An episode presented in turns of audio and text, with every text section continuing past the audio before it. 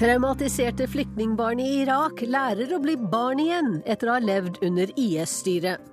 Så vi fokuserer på dans og musikk og uh, kunst for å få barna til å først og fremst slappe av, få tilbake fokus og konsentrasjon, sånn at de kan lære igjen. Kenyas mest kjente bygning ble tegnet av en norsk arkitekt. En utstilling i Nairobi viser hvordan nordiske arkitekter var med på å bygge Øst-Afrika på 1960- og 70-tallet. Afrikanske land hadde nettopp blitt uavhengige på begynnelsen av 60-tallet og prøvde å riste av seg arven fra koloniherrene. De hadde frihet til å bygge landene på nytt, og nordiske arkitekter kom for å være med å bygge denne friheten, bokstavelig talt. Kan det bli julestemning når det er 32 varmegrader og julesangene går i sambatakt? 200 millioner brasilianere er ikke i tvil, blir med på julebesøk til en familie i Rio. Store brune øyne og logrende haler, det er høysesong for adopsjon av hjemløse hunder i USA. What's the name of this one? Fat Albert. Fat Albert. What kind of dog is it? Feite Albert er som de fleste andre er en blandingshund. Litt labrador, litt bokser og litt retriever. Og Brussel sett over sykkelstyret er det det handler om i korrespondentbrevet. Å være god på øl i Belgia er omtrent som å være god på langrenn i Norge. Er du best i ditt nærområde, er du trolig i verdenstoppen. Vel møtt til Urix på lørdag, jeg heter Wenche Eriksen. Denne Urix-sendingen blir litt annerledes enn vanlig, for på julaften skal vi forsøke å se verden med et noe mer positivt og oppmuntrende blikk enn det vi pleier. En sending forhåpentligvis fylt av lys og varme og kanskje litt smil og latter, betyr ikke at vi glemmer verdens alvor, men til og med midt i krigens redsler finnes det lyspunkt, og du skal få oppleve et av dem nå. Over halvparten av dem som har flyktet fra IS-kontrollerte områder i Irak, er barn. Mange bærer på traumer etter å ha opplevd stor brutalitet de siste årene. Men på en skole i en flyktningleir får noen av barna hjelp til å finne tilbake til barndommen, ved hjelp av sang, dans og musikk. Slikt blir det færre mareritt av, forteller Midtøsten-korrespondent Kristin Solberg i denne reportasjen.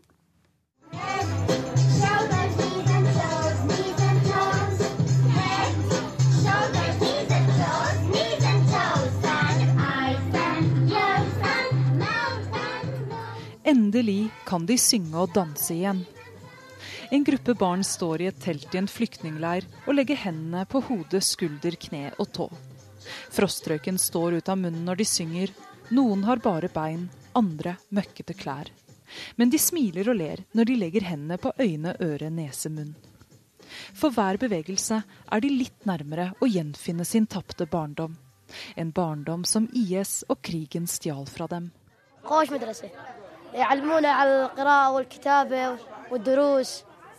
Det er en veldig god skole. De lærer oss hvordan vi skal lese og skrive om mye annet, sier elleveårige Karim Ahmed, en gutt med tynt ansikt og store øyne. Men dette er ingen normal skole. Her i flyktningleiren Debaga sørvest for Mosul i Irak er det musikk og kunst og lek som står i fokus. Her skal barna lære å slappe av og bearbeide de mange traumene de bærer på. En stor del av det arbeidet vi gjør, er den psykososiale støtten. Eh, for mange av disse barna har levd under IS-styret i over to år. De aller fleste av dem har ikke hatt tilgang til skole på to år. Og så er det enkelte som også har vært under eh, IS-styrte skoler, som selvfølgelig er svært traumatiserte. Så vi fokuserer på dans og musikk og uh, kunst for å få barna til å først og fremst slappe av, få tilbake fokus og konsentrasjon, sånn at de kan lære igjen. Bekki Bakker Abdullah står utenfor skoleteltene. Hun jobber i Flyktninghjelpen som driver stedet, der det i dag står både tegning og dans på timeplanen. Så når vi møter disse barna, så er de selvfølgelig svært påvirket av det de har sett og opplevd. Mange har mistet foreldre og andre nære slektninger. Så når de først kommer, så merker vi at eh, konsentrasjon og fokus er helt borte. Det første vi tilbyr dem da, er et trygt sted der de får lov til å være barn igjen. Og etter hvert så ser vi faktisk at eh, den psykososiale støtten vi gir dem, særlig gjennom kunst, hjelper.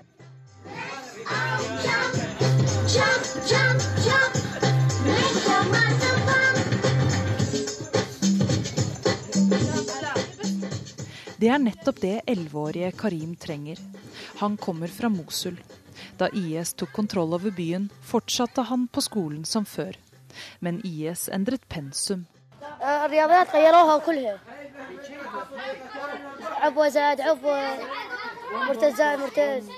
De endret matten. Én bombe pluss én bombe. Én frafallen pluss én frafallen, sier Karim, og gir eksempler på hvordan de lærte å regne under IS. De endret også arabisk, og satte sine egne bilder inn i bøkene. Bilder av hvordan du kutter hodet av mennesker. Da Karims pappa så de nye skolebøkene, tok han sønnen ut av skolen.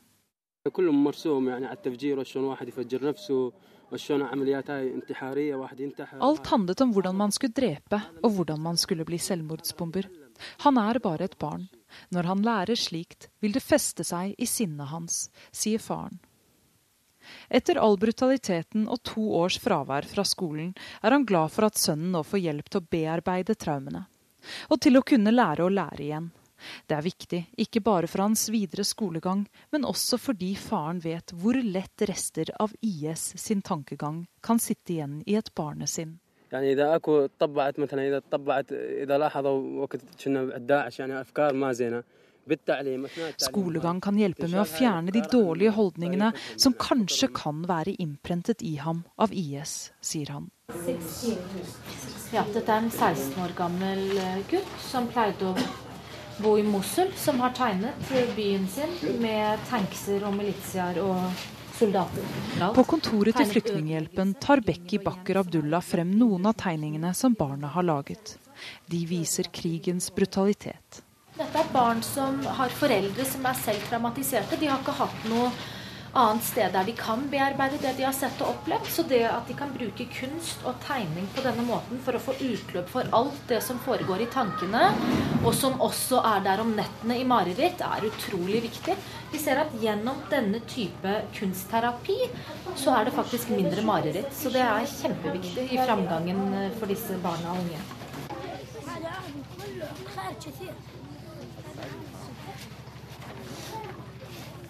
I tegneteltet sitter Karim på gulvet, bøyd over arkene. Noen av barna har tegnet blomster, andre hus. Men andre igjen tegner ting barn egentlig ikke skal vite så mye om. Med usikker hånd fester Karim to bilder til papiret. En stridsvogn og et helikopter. Han har sett mange slike. Karim drømmer om å bli ingeniør når han blir voksen. Men før det må han lære seg å igjen bare være et barn. Og da er det bare å øve videre på sanger som alle barn bør kunne.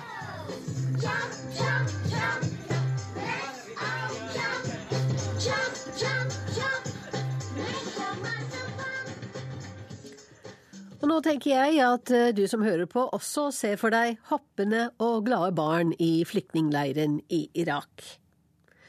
Så til en utstilling i Kenyas nasjonalmuseum. Den viser hvordan nordiske arkitekter var med på å bygge Øst-Afrika på 1960- og 70-tallet. Visste du eksempel at Kenyas mest kjente bygning er tegnet av en norsk arkitekt? So where are we going now? We are going to the exhibition of the forms of freedom. I think it's on this side. Former for frihet, afrikansk uavhengighet og nordiske modeller heter denne utstillingen i Nairobi. Sort-hvitt-bilder av bygninger, avisklipp og sitater. Bilder av nordiske funkisperler plassert i et afrikansk landskap. Det er skoler i Zambia og Tanzania, boligprosjekter i Kenya, et fiskefryseri i ørkenen. Et par videoer surrer og går med nordiske statsledere på besøk i Øst-Afrika. Tom Anyamba er professor i arkitektur ved universitetet i Nairobi. African countries had just gotten independence at the beginning of the 1960s. Yeah? And they were kind of trying to run away from the colonial yoke of colonial masters.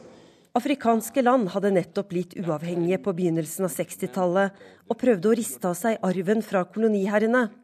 De hadde frihet til å bygge landene på nytt, og nordiske arkitekter kom for å være med å bygge denne friheten, bokstavelig talt, forteller Anyamba. Vi stopper foran den første plakaten. So this is the basic poster to show the countries where they had an influence. Yeah, Kenya, Tanzania, and Zambia, and the countries that played a major role was Finland, Sweden, and Norway. Arkitekter fra Norge, Sverige og Finland tegnet bygg i Kenya, Tanzania og Zambia. Og de hadde stor innflytelse.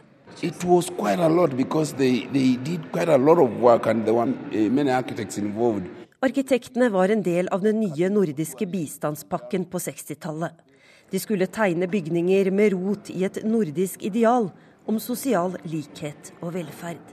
They brought some of the models of architectural design and planning that were working in so-called social democratic countries. So you... Sosialdemokratiske verdier. Du ser det tydelig når det gjelder boliger, forteller Tom Anyamba.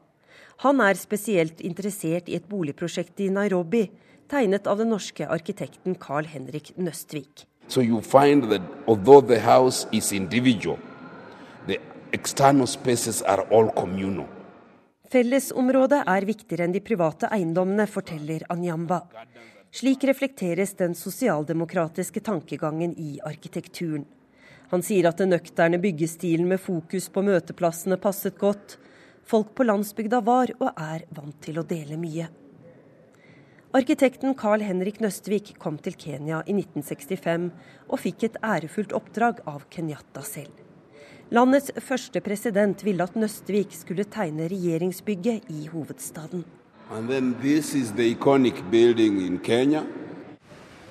Jeg har beveget meg til plassen foran KICC, Kenya International Conference Center, og står og ser opp på en høy, sylinderformet bygning. I just admire because it's our Kenyan pride, and that's why I love taking photos from it. Dette bygget er Kenyas stolthet, derfor bare må jeg ha et bilde av det, sier 19 år gamle Hessi Kinabalo, som har tatt turen hit for å beundre bygget, som også troner på 100-skillingseddelen. Kenyas ikoniske bygg, den gang Afrikas høyeste hus. Nå er jeg inne i foajeen, og her er det et stort, åpent rom. Og det ser ut som om folk fra alle verdenshjørner eh, mingler her helt i tråd med Nøstviks idé om å skape møteplasser for folk. Så hører vi svak lyden av fontenen i underetasjen. Det er afrikanske tresorter på veggene. Det er vedlikeholdsfritt betong, sort eh, mosaikk. Og så er det rene, klassiske linjer. What is special about this, this building, I think, is more the symbolism. Like the amphitheater is basically a cone. That is really the basic shape of the most African huts. Det spesielle med dette bygget er blandingen av tradisjonelle og moderne symboler. Amfiteatret er f.eks. For formet som en afrikansk hytte, sier Anyamba. Han tar meg med bort til et stort bilde av en lav betongbygning i et goldt landskap. It is one of the examples of a failed project. It didn't quite work. Dette bygget er et eksempel på et mislykket prosjekt, sier professoren. Han snakker om fiskefryseriet i Turkana i Kenya. Anyamba forteller at de nomadiske folkegruppene her driver med landbruk. De hadde ikke noe forhold til fiske, og de norske bistandsarbeiderne glemte å ta det med på råd.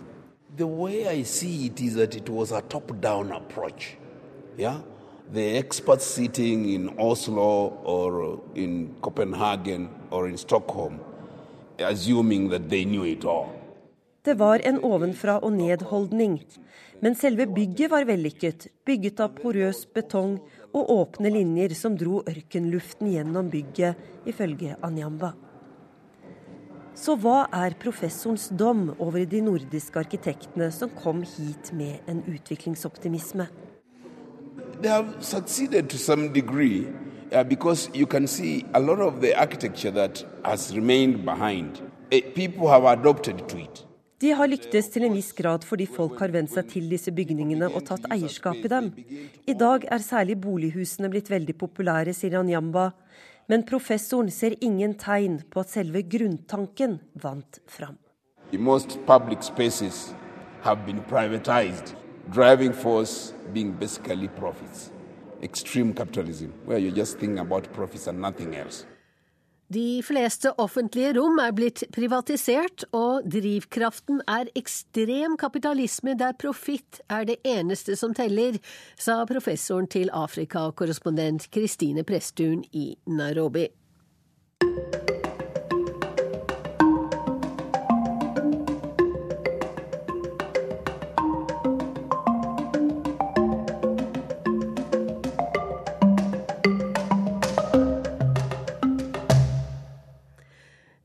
Julehøytiden betyr ferie og familiekos for mange av oss, men noen må være på jobb. Det gjelder annet tusenvis av Nato-soldater som er i beredskap over hele Europa. Flere av dem er også i krigssoner, men de forsøker likevel å feire jul slik de er vant til hjemmefra. Kollega Eirik Veum har sett på hvordan det skjer.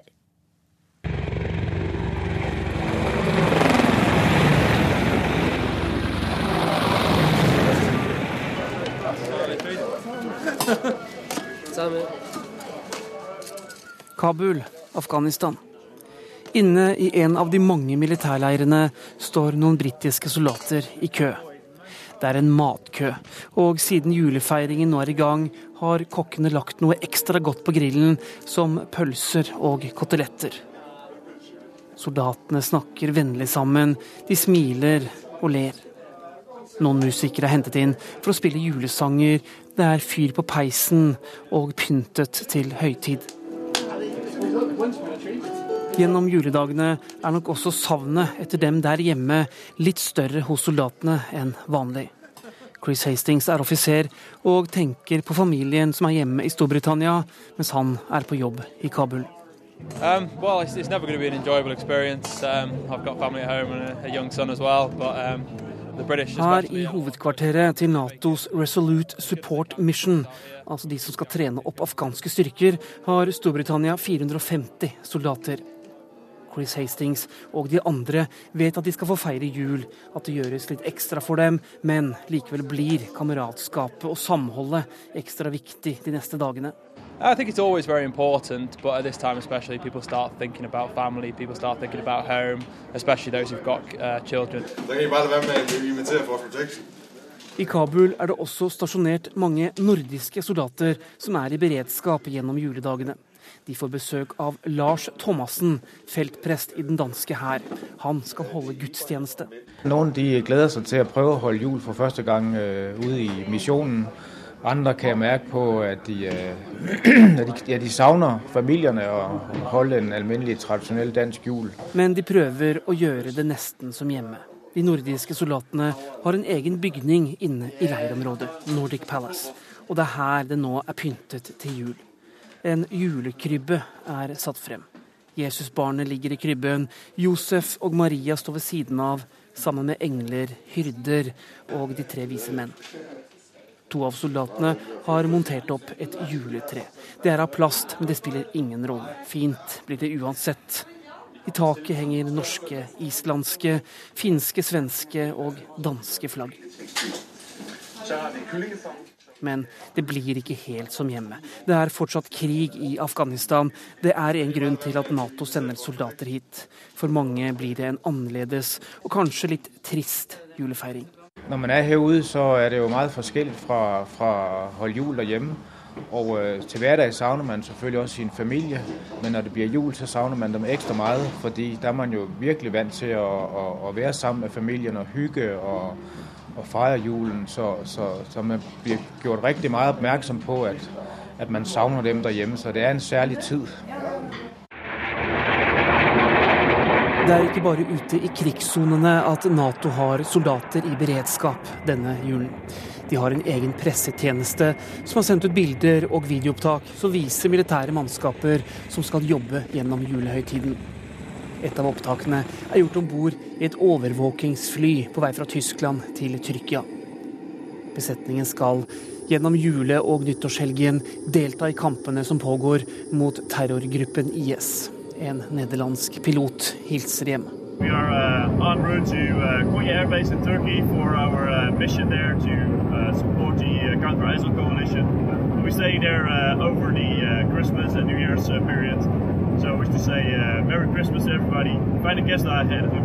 Ute i Atlanterhavet utfører Nato-fartøy overvåking og kontroller gjennom julehøytiden. Den spanske fregatten Almirante Juan de Borbón er en del av en maritim utrykningsstyrke. Mannskapet skal feire jul om bord, men er klare hvis det skulle oppstå en krise eller en krigssituasjon. Tilbake til Kabul. En småbarnspappa en britisk soldat, får ikke møte sønnen sin til jul, men sender gutten en varm tanke fra den afghanske hovedstaden. To all my family and especially to my wife and my son, um, I love you, I miss you, I hope you're having a great Christmas and I'll see you in the new year. Det er altså julaften, men eh, så kan man jo spørre seg om det kan bli julestemning når det er 32 varmegrader og julesangene går i sambatakt. Vår mann i Brasil, Arnt Stefansen, mener nei, men han er jo i klart mindretall blant 200 millioner brasilianere. Urix på lørdag har vært på førjulsbesøk i Brasils eldste favela, Providencia i Rio de Janeiro, for å høre hvordan de feirer høytiden. Det dufter godt på kjøkkenet til familien Pasego. Mor Carolina på 35 år står ved grytene og får hjelp av barn og venner.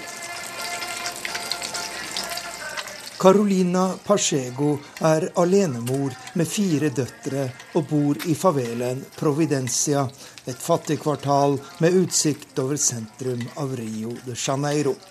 Familien bor på 40 kvadratmeter under svært enkle kår, og det er ikke mye de kan unne seg til jul. Men gleden er gratis, smiler Carolina, og det kribler fortsatt i magen av forventning, slik det gjorde da jeg var barn. É er dia que está todo mundo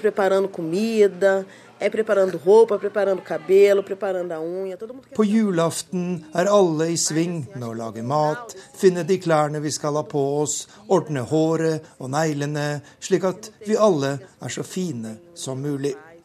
Hele dagen kommer og går det venner og kjente, vi utveksler små gaver, tar en øl eller en dram og forbereder oss til det store høydepunktet, julemiddagen. Den starter først ved midnatt, slik tradisjon er her i Brasil, sier Carolina.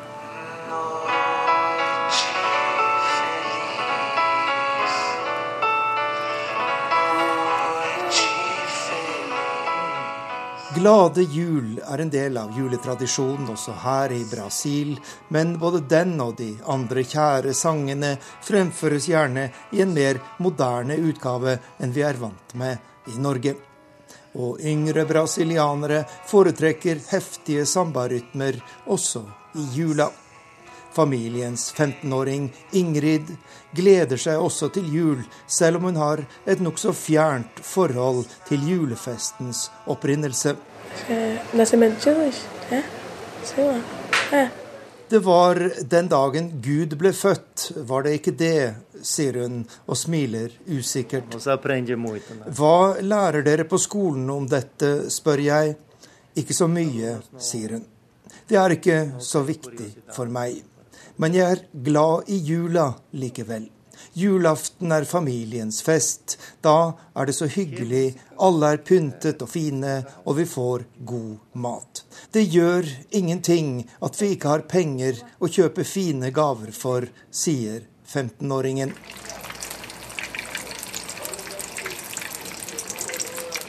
De som bor i favela, kan sjelden velge på øverste hylle når det gjelder julemat, og for familien Pachego er det stekt kylling, grønnsaker og såkalt farget ris som står på menyen på julaften. Til dessert vanker det rabanada, brød dyppet i melk, sukker og kanel og stekt i ovnen. Andre har kalkun eller svinekjøtt med frukt og salat til julemiddag. Men det gjeveste av alt er den brasilianske nasjonalretten bacalhau da Norvega, klippfisk fra Norge.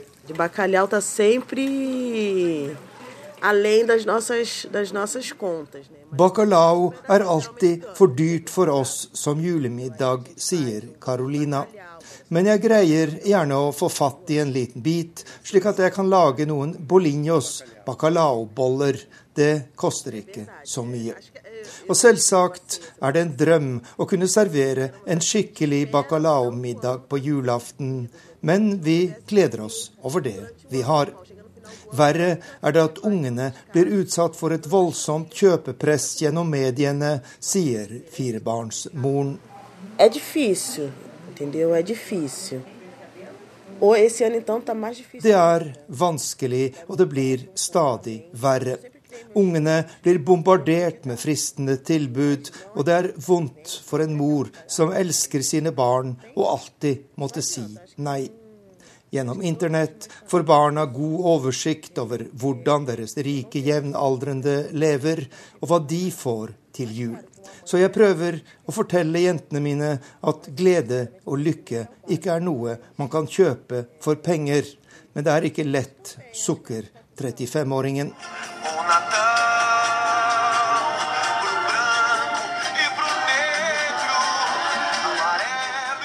I et fattig hjem i favelaen Providencia her i Rio er forberedelsene til kveldens feiring i full gang.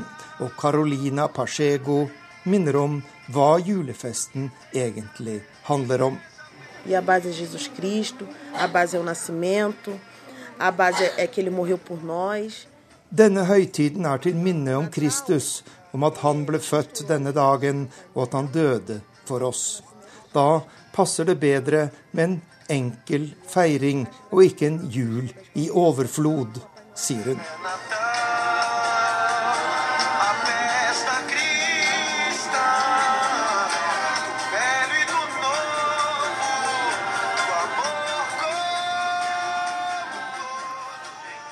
Er ikke så ofte vi har dyrehistorier i Urix, men det blir det nå. I USA er rundt fire millioner hunder innom herberger for hjemløse dyr hvert år. Av dem blir vel en tredel adoptert av nye eiere, og svært mange finner nye hjem nå like før jul. For store brune øyne og logrende haler kan få mangt et menneskehjerte til å smelte. Det rapporterer USA-korrespondent Gro Holm. I'll be home for Christmas.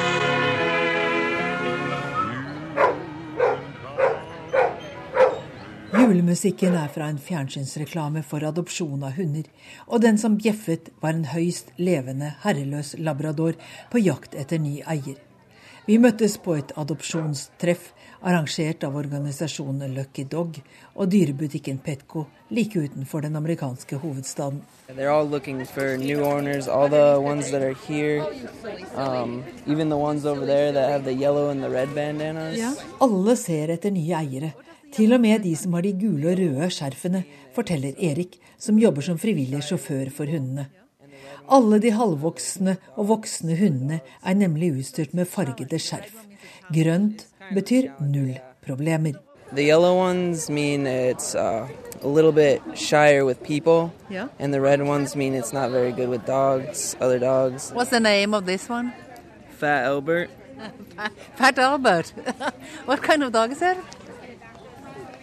lab, boxer, retriever, mutt type. Feite Albert er som de fleste andre er en blandingshund. Litt labrador, litt bokser og litt retriever. Helene har vært fostermor i en uke. Nå har hun kommet for å overbevise potensielle kjøpere om at feite Albert er et godt valg. Kind of For mange betyr det mye at det nye familiemedlemmet er pottetrent, som Helene sier. Men han er fire år gammel, og mange vil helst ha valper. We want a baby, yes. A baby. little one, yeah. Why do you want a rescue dog? Um, we already have a dog that's six years old, and we want to. That's we feel like that's the right thing to do. Christy Gillieri og datteren Ryan vil helst ha en valp, og helst en labradorblanding. De har allerede en hund på seks år, og Christy mener at det er moralsk riktig å velge en hjemløs hund denne gangen. Kringle. Kringle's Kringle. so cute. Where's Kringle? Kringle's right there. Her står, står med mor og datter foran tre bur. Det ene har Mopsi, som de nok begge syns den var den mest sjarmerende, men den er allerede bort, bortadoptert. Så nå da står valget mellom en ti måneder gammel blandingshund og to valper som er igjen av eh, et annet blandingskull, og som er da yngre og, og, og mindre. Og de er tydelig litt uenige, mor og datter her. I like this one's a little older. Those are that's going to be high maintenance for me for babies. Mom, why? They're gonna get big. They're, oh, well, I know, but they're five weeks old. Like Yeah, so? this one's ten. Over that one? So? Mom, Mom, I like the black one. Look at the black one. Over there. Mom, you have to acknowledge me. Mom, Mom, Mopsy's You're so gone. annoying. Mopsy's gone. I you got it. You I got it. You have to acknowledge me during Okay, this. okay. Mor Kristi er redd det kan bli for mye arbeid med fem uker gamle Kringle, en blanding av labrador og fårehund som hun også frykter kan bli for stor. Men etter mye klapping og mye småprat lar hun seg nesten overtale av datteren. De stiller seg i alle fall i køen for å bli godkjent for adopsjon, og får valpekullets historie. They were found like on the side of the road, and someone brought them to the shelter in South Carolina in a flower pot. So that's why they're the flower pot. That's why Funnet langs veikanten og levert i en blomsterpotte til et herberg i en småby i Sør-Carolina. Bare én av ti løshunder som havner der, får nye eiere og får leve. Presset på mor Christie øker. Okay, everyone needs to calm down. Calm down. Bønnen om å roe seg ned er først og fremst myntet på henne selv. Men nå er hun fanget. Det neste er godkjenningsintervjuet, der intervjuer Eugenie også forteller om forpliktelsene. He has to get neutered by his six month birthday. In the contract, there would be a specific deadline date. Han må kastreres innen han er seks måneder, sier Eugenie om valpen som de har sett seg ut. De nye eierne må sende inn bekreftelse til Lucky Dogs, ellers kan Lucky Dogs miste statsstøtten. Reglene i USA er nemlig annerledes enn i Norge, der det i utgangspunktet er forbudt å kastrere hannhøner. Um, we young, so like Christie sier hun må tenke over saken i 20 minutter. Hun hadde jo ikke tenkt seg en så ung hund. Men det blir skjebnesvangre minutter, for vips, så er Kringle tatt av andre.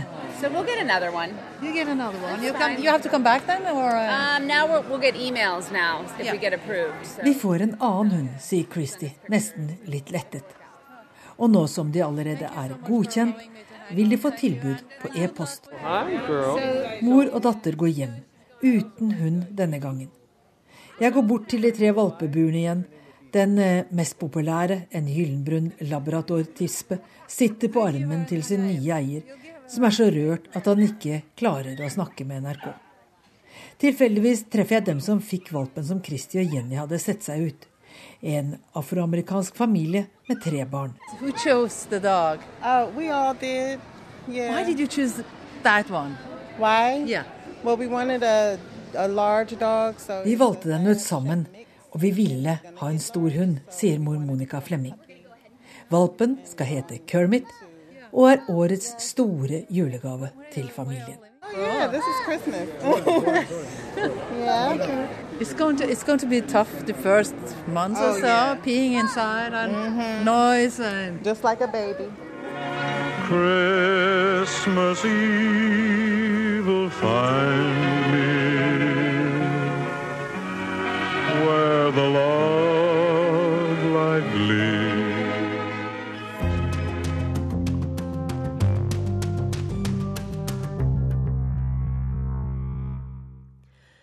Hvert år dør ca. 55 millioner mennesker i verden. Alle blir savnet av sine nærmeste, men enkelte av dem er mer kjente enn andre og vil derfor kanskje bli husket av flere. Noen blir omtalt i mediene, og unntaksvis blir et fåtall ansett som så betydningsfulle at NRK og andre sender en nekrolog. Joar Ho Larsen filosoferer litt rundt temaet og fenomenet. Distinguidos representantes, se habla con frecuencia de los derechos humanos, pero hay que hablar también de los derechos de la humanidad. Da Fidel Castro døde for en måned siden, var det ingen tvil i verdens redaksjoner. Cubas sterke mann gjennom mer enn et halvt århundre, er et åpenbart tilfelle. Han hadde skrantet lenge så minneordene lå ferdig og på vent. Så da dødsbudskapet kom, var publiseringen bare et tastetrykk unna. Da Mohammed Ali gikk bort i juni, var det noe mer uventet. Men han var fysisk svekket etter 30 års sykdom, han som en gang brukte mediene til å fortelle at han var den største. I told you, all of my critics, I that I was the greatest of all time. Både Castro og Ali var internasjonalt kjente, og deres død ble omtalt i sannsynligvis de fleste land. Går man på Wikipedia, engelsk versjon, så er det i 2016 ca. 5000 avdøde verden over som er nevnt med navn, nasjonalitet og stikkordbegrunnet forklaring på hvorfor de hører med der. For hver 10 000 døde så er det altså bare én som kommer med på denne noe makabre listen. Enkelte av dem vet vi om. Prince og Bowie, og ikke minst deres eldre kollega. First, we take Manhattan. Then we take Berlin. Leonard Cohen døde i år. På grunn av deres helt spesielle forhold og hennes plass i hans tekster, står også hans venninne, norske Marianne Ilen, på Wikipedias engelskspråklige liste. Hun døde i juli.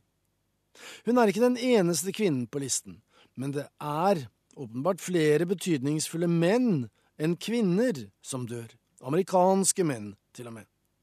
Men én viktig amerikansk kvinne står allikevel oppført. Celebrating Nancy Reagan. Selv om hun faktisk er mest berømt for å ha stått ved sin manns side, Nancy Reagan.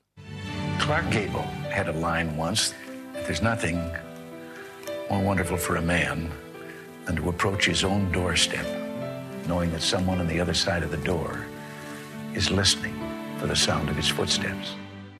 Her hjemme på berget gikk det oss hus forbi da en annen mektig kvinne døde. Men i India tok millioner av tamiler til tårene da deres fargerike og avholdte, men kontroversielle og korrupsjonsdømte, skuespiller og partieier Jalalita gikk bort i forrige måned, 68 år gammel. All I have done is to be very vocal in standing up for the state's rights.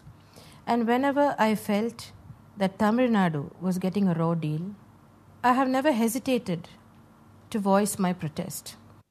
Jalalitas bortgang og begravelse i Chennai tidligere denne måneden er et godt eksempel på hvor relativ berømmelse er, både kulturelt og geografisk. Det er eksempel oppsiktsvekkende mange cricketspillere på Wikipedias liste. Sportslige storheter i India, Pakistan, Sri Lanka, Bangladesh blant annet.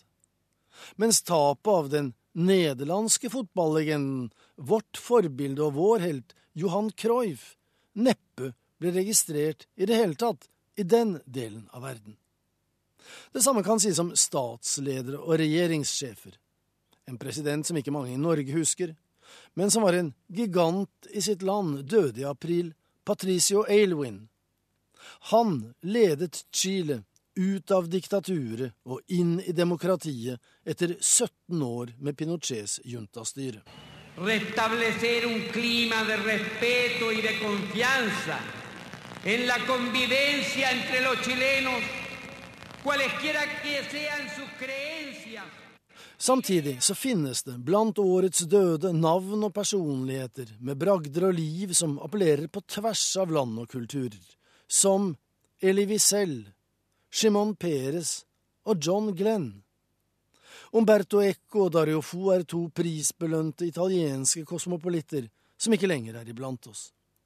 Fra nyhetsbildet husker vi FNs tidligere generalsekretær Butros Butros Ghali og den amerikanske høyesterettsdommeren Antonin Scalia, hvis død i februar utløste en politisk krise i USA om hvem som skal bli hans etterfølger.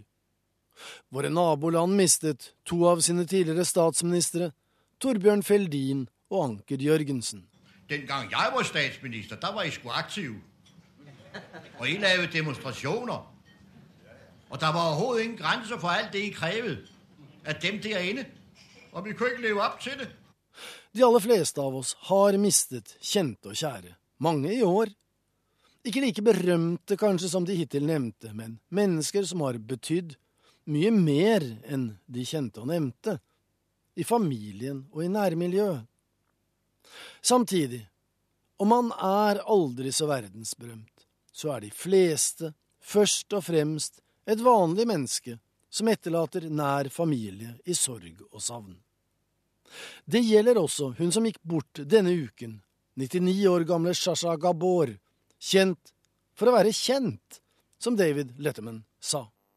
Our first guest tonight is uh, one of the all time great talk show guests.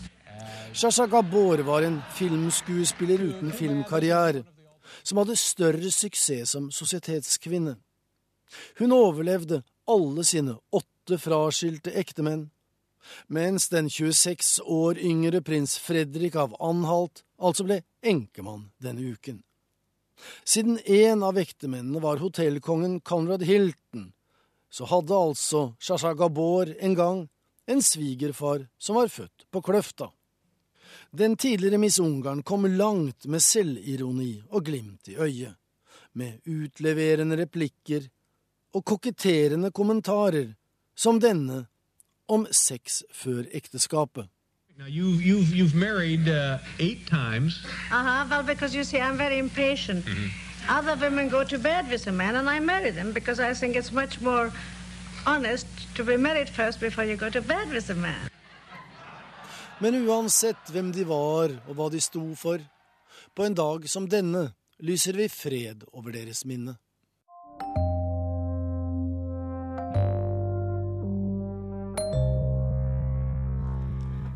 Så er vi kommet til ukens korrespondentbrev. Det kommer fra Philip Lote i Brussel.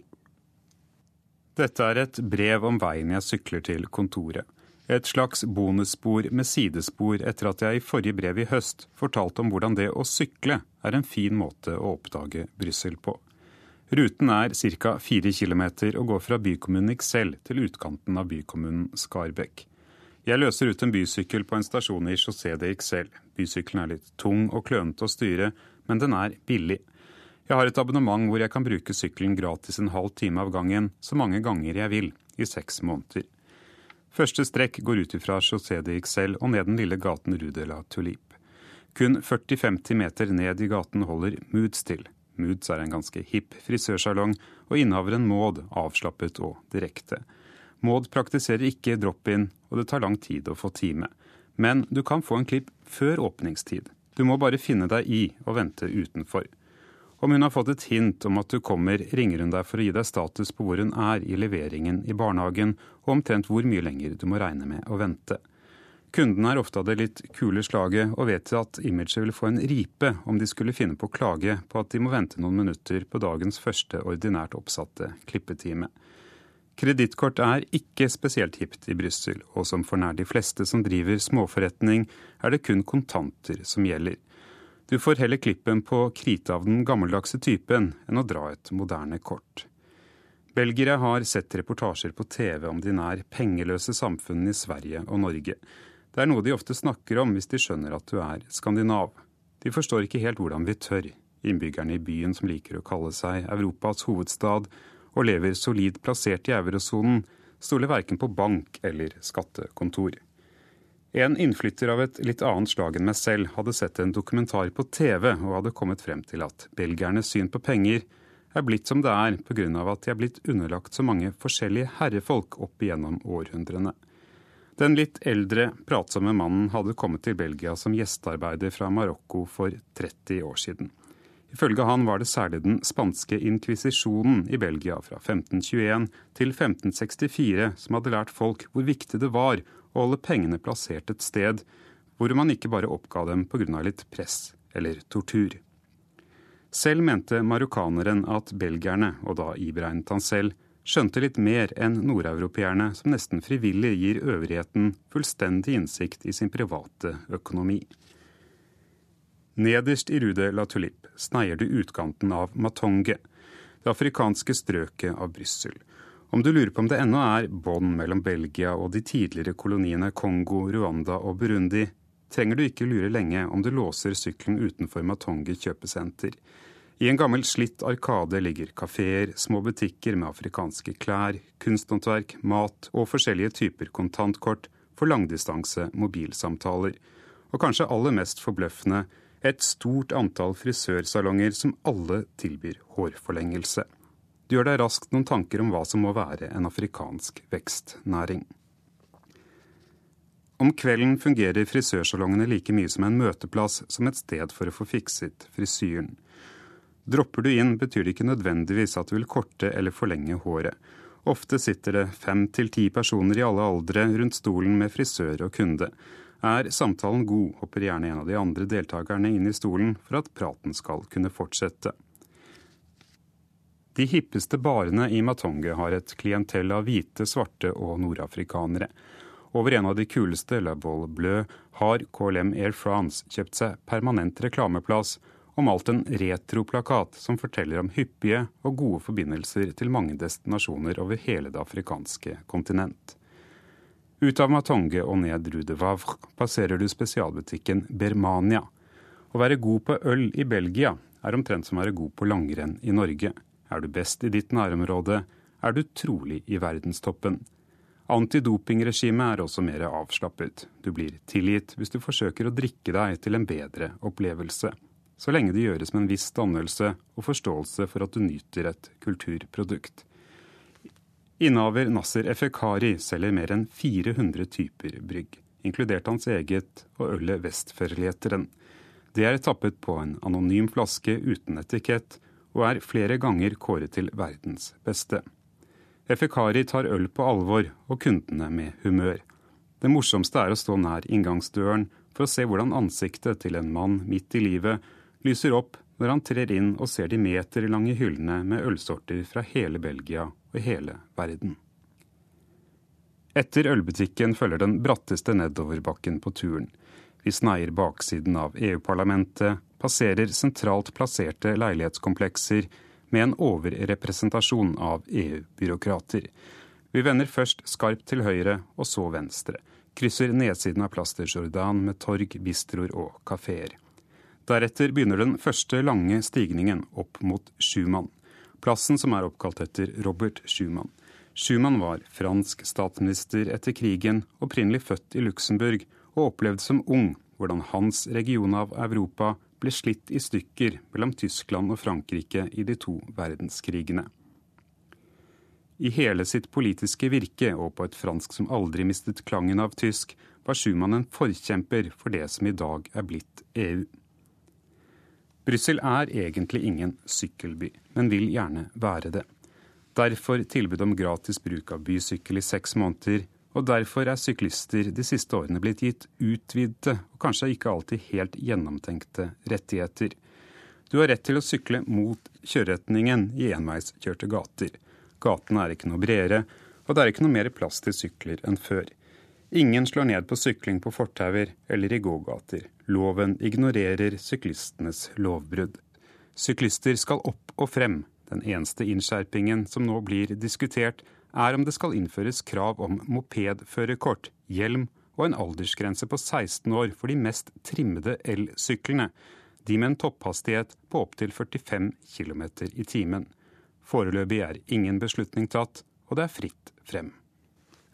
Et annet privilegium som jeg er usikker på om egentlig er et privilegium, er at syklister som de eneste andre trafikanter får lov å ferdes i kjørefeltene som ellers er forbeholdt byens busser.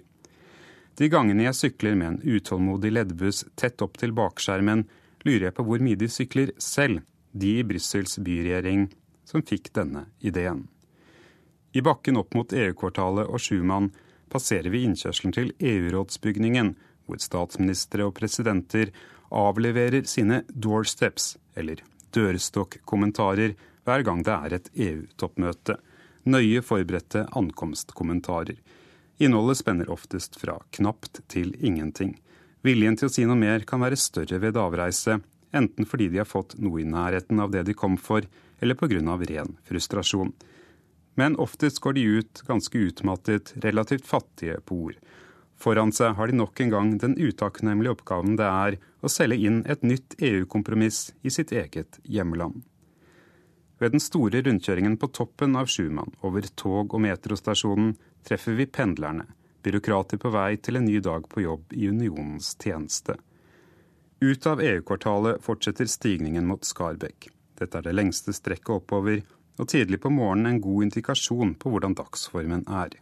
Til slutt tråkker vi en halv kilometer flatt. Bydelen er mest kjent for sine spesielle sure kirsebær, og har kallenavnet Eselbyen.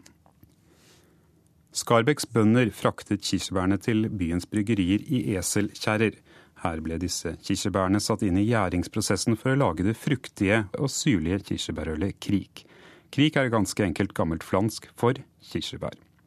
Ennå blomstrer kirsebærtrærne om våren i Aveny Diamant i Skarbekk, og det er her at kontoret ligger. Veldig nær er også en bystasjon for bysykler, hvor jeg kan sette og låse sykkelen. Hele turen tar ca. 20 minutter, og hver gang jeg er fremme, er jeg usikker på om turen har bevist eller motbevist at Brussel er en sykkelby. Er byen pedalvennlig, er det i så fall på et litt gjenstridig vis, som Brussel for øvrig.